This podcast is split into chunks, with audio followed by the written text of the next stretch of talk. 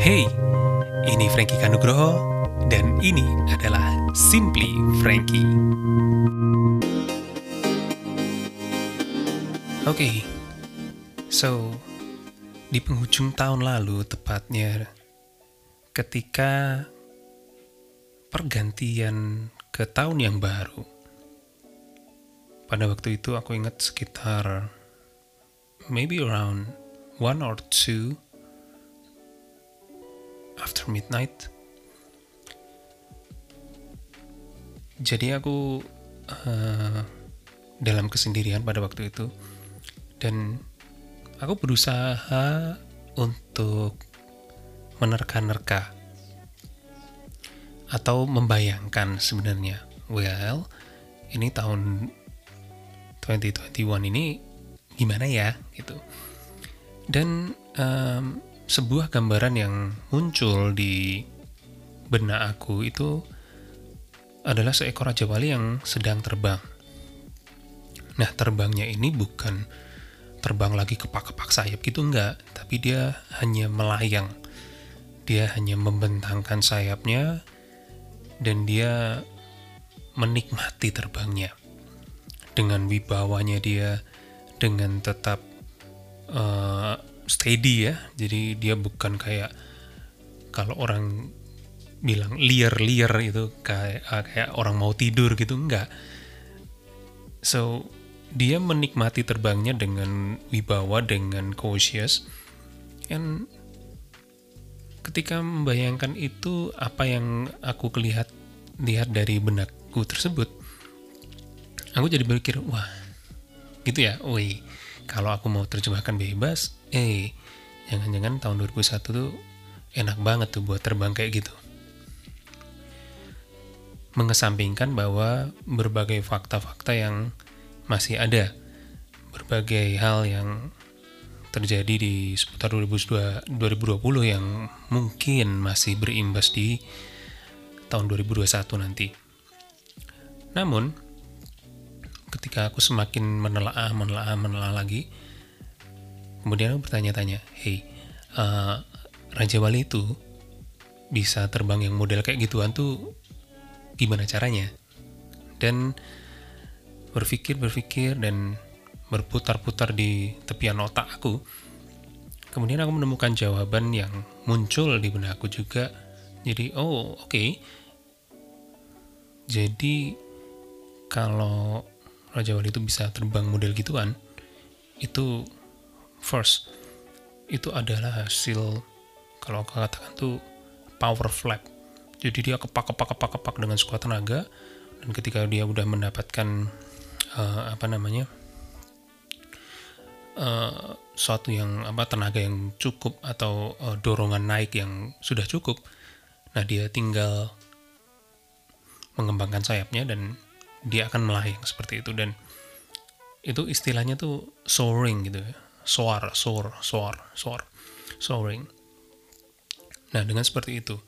Nah namun ternyata selain mengempak-empakan sayap dengan begitu rupa ada satu lagi yang bisa membuat dia melayang terbang soaring seperti itu, yaitu ketika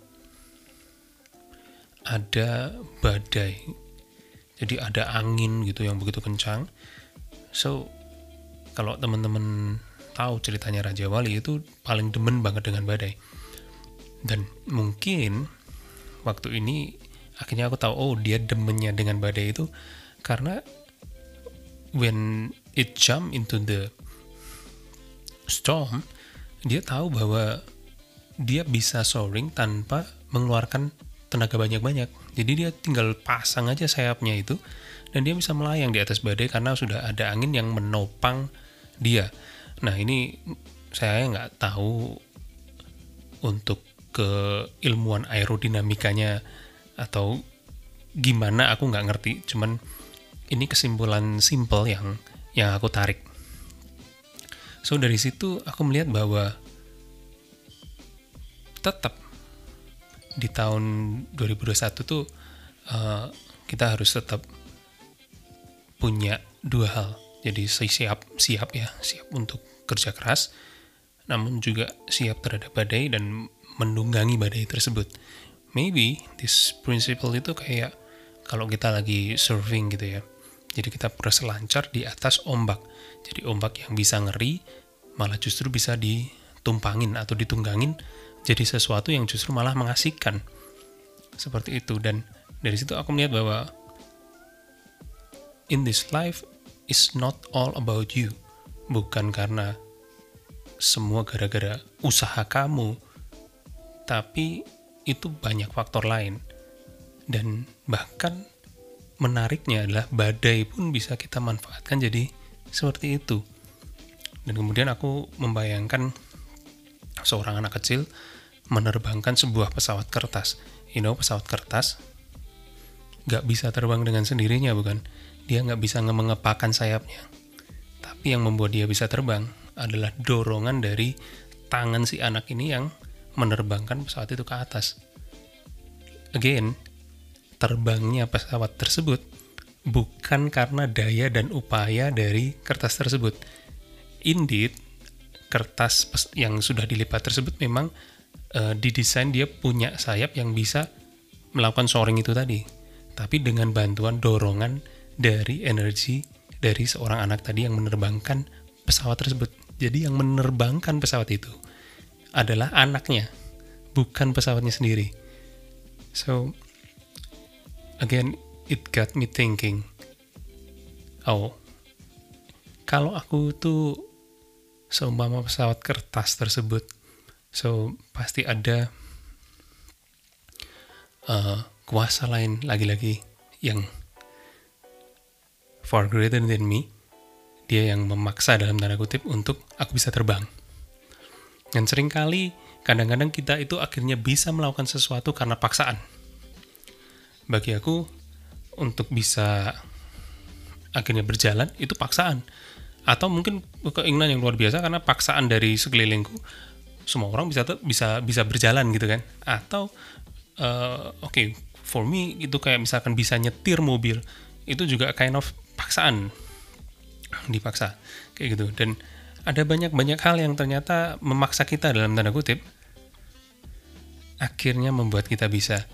Dan somehow paksaan-paksaan tersebut belum tentu kita inginkan di awalnya tetapi I think Tuhan tahu apa yang kita perlukan sehingga dia menempatkan elemen-elemen atau orang-orang apa pun yang menjadikannya somehow jadi paksaan untuk kita. Dan ketika kita meresponnya dengan benar and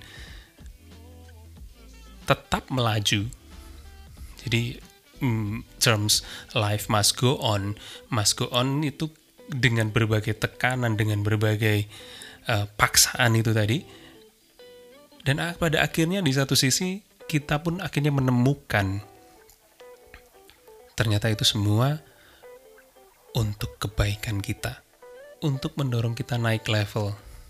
Karena somewhat kita manusia itu belum semua belum tentu punya inisiatif ke sana dan perlu apa ya dorongan-dorongan seperti itu. Kalau orang Surabaya itu bilang istilahnya tuh no gitu no gitu dan I think somehow we need it dan kalau tahun lalu banyak memaksa kita menekan kita the good news is I think sebentar lagi kita akan melihat hasil dari tekanan-tekanan itu membawa kehidupan kita menjadi lebih baik lebih efektif, lebih efisien, akhirnya kita mempelajari ilmu-ilmu yang baru, dan akhirnya kita menemukan diri kita sekarang better version than before. So congratulations. Semua itu akhirnya membentuk kita. So nice, right? The process is there. So this is Frankie and this is Simply Frankie. Thank you for listening.